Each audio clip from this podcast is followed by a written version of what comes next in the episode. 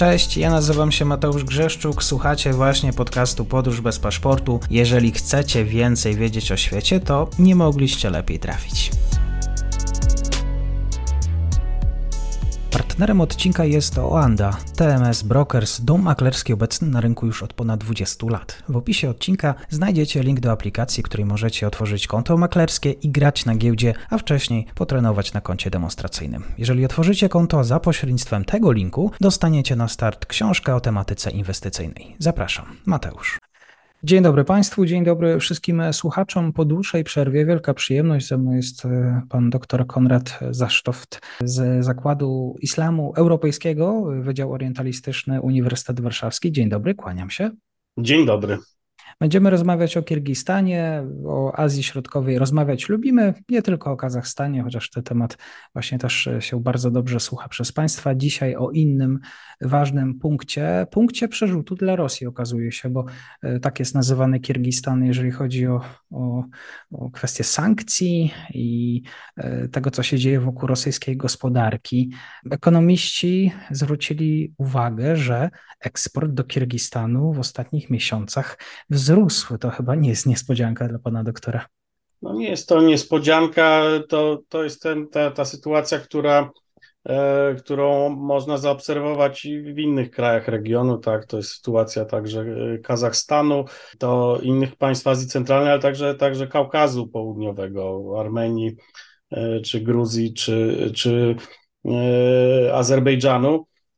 No, krótko mówiąc, no to są te, te okna na świat dla Rosji, tak, gdzie ten, ten handel, ta wymiana handlowa jest kontynuowana, gdzie E, no te państwa powiedzmy no nie przyłączają się do, do, tej, do tej izolacji, w pełni do tej izolacji e, Rosji ekonomicznej narzucanej przez e, Zachód, tak, znaczy w pewnych elementach się przyłączają, w innych nie, więc wiele tych towarów, czy, które są niezbędne dla, dla rosyjskiego przemysłu, tak, one trafiają właśnie przez, przez kraje takie jak Kirgistan.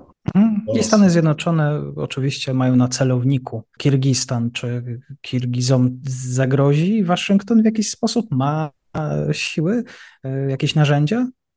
No to znaczy tutaj oczywiście, że jest próba wywierania, wywierania presji. No narzędzia tak, ponieważ e, Zachód e, jednak no, prowadzi różne E, programy pomocowe, e, pomoc rozwojową dla, dla tych państw, tak, e, no zwłaszcza tych najbiedniejszych państw Azji Centralnej, tak, wśród nich właśnie jest, jest Kirgistan, więc oczywiście Kirgistan nie może sobie pozwolić na, na, na całkowite zepsucie re, relacji E, z Zachodem, no ale też no tutaj Rosja jest jednak, jednak, jednak dla Kirgistanu ważniejsza, jest od, od Rosji jest w olbrzymim stopniu zależny, no przede wszystkim tutaj chodzi cały czas o tych E, pracowników, e, e, obywateli Kirgistanu, którzy no, mieszkają w Rosji, tak, tam pracują, przesyłają swoje dochody rodzinom w Kirgistanie. No i to zawsze było to główne źródło utrzymania tak naprawdę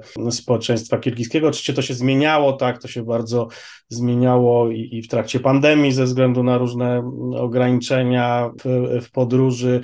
E, no i teraz w związku z mm, też właśnie z tą izolacją Rosji po pełnoskalowej inwazji na, na Ukrainę, ale nadal to nie jest bez, to nie jest nadal bez znaczenia. Oczywiście wielu tych mieszkańców, nie tylko Kirgistanu, ale w ogóle regionu, szuka innych miejsc e, emigracji zarobkowej, tak, czyli na przykład e, coraz więcej obywateli państw Azji Centralnej na przykład widzimy w, w Polsce, tak, pracujących tutaj, przyjeżdżających do, do Polski czy do innych krajów Unii Europejskiej, tak, ten kierunek jest dla nich w tej chwili o wiele bardziej bardziej e, e, atrakcyjny. No i są rzeczywiście możliwości tutaj, tutaj e, przyjazdu i, i, zarobku. No, na pewno są to kraje o wiele bardziej w tej chwili atrakcyjne niż, niż Rosja, gdzie też no, ta polityka, znaczy i oficjalna polityka wobec, wobec gastarbeiterów i, no i też stosunek społeczeństwa rosyjskiego jest często bardzo negatywny, obarczony stereotypami, czy tutaj dochodzi do jakichś aktów agresji wobec tych. Policja oczywiście traktuje tych gastarbeiterów jako, no powiedzmy,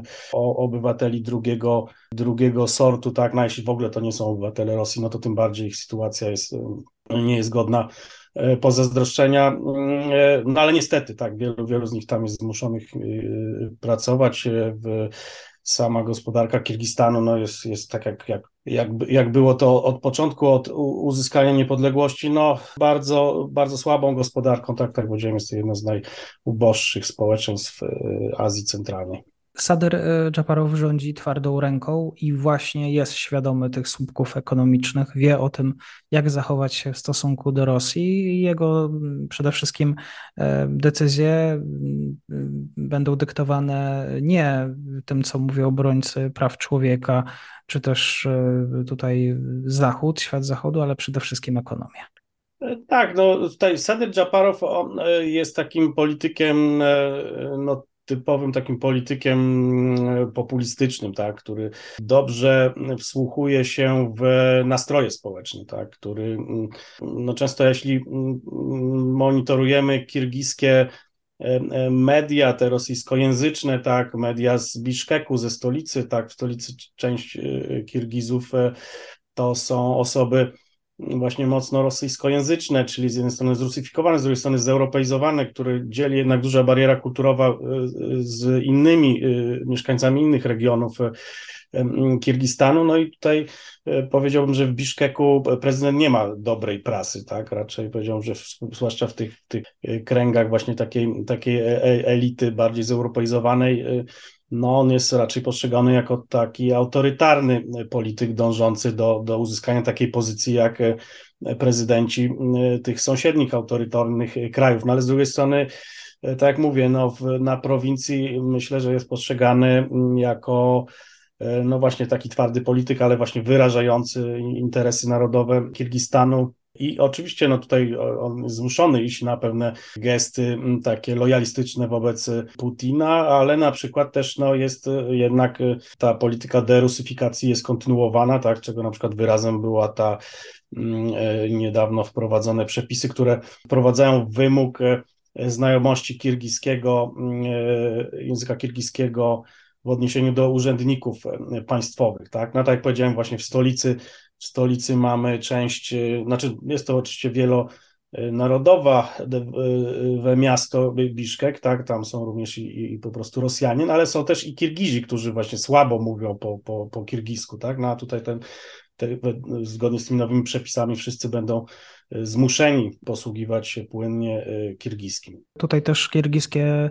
organy ścigania miały zatrzymywać i deportować do ojczyzny Rosjan, którzy sprzeciwiali się wojnie na Ukrainie. No to dosyć taki mocny ruch, ale to jeszcze informacje, no powiedzmy, z czerwca. No tak, ale to, to, jest, to, to jest coś, co nie powinno e, zaskakiwać.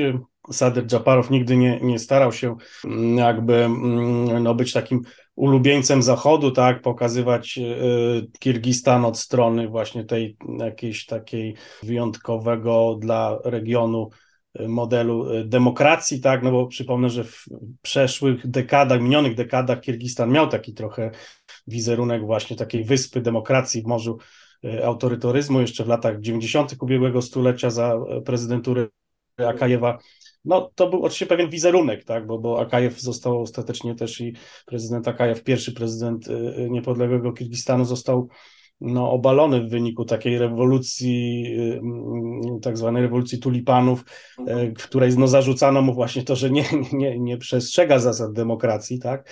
No ale nadal, nadal tutaj Kirgistan się y, wyróżnia tym większym stopniem tych swobód demokratycznych w porównaniu z innymi republikami, natomiast no, no Sadyr Dżaparow tak raczej dąży tutaj do, do tego, żeby rządzić, wprowadzić takie rządy silnej ręki, E, no, no ta demokracja nie jest dla niego e, tutaj e, aż tak istotna w tej jego retoryce. No i teraz wracając do kwestii deportacji na przykład tych, tych antyputinowskich działaczy Rosjan, którzy uciekli do, do, do Kirgistanu, no, oczywiście w oczach, w oczach tej, tej prodemokratycznie, prozachodnio nastawionej części społeczeństwa kirgiskiego, no to, to jest negatywnie postrzegane. No, dla większości to jest, to jest dosyć obojętna kwestia. Zresztą w przeszłości też miał, miał na miała miejsce na przykład Mm, taka sytuacja, że mm, jeden z działaczy tureckiego ruchu Fethullaha Gülena został,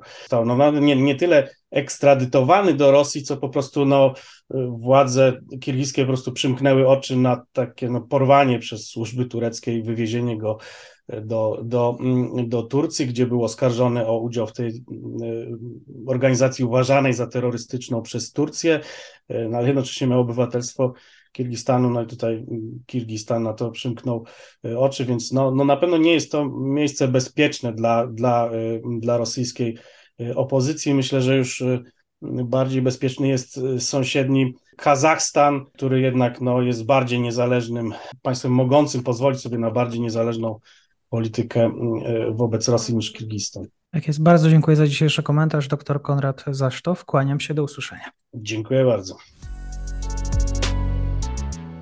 I to już koniec na dzisiaj. Zapraszam na profil podcastu Podróż bez paszportu na Facebooku, Instagramie i Twitterze. Zachęcam też do wsparcia mojej pracy na serwisie Patronite oraz Buy Coffee. Do usłyszenia.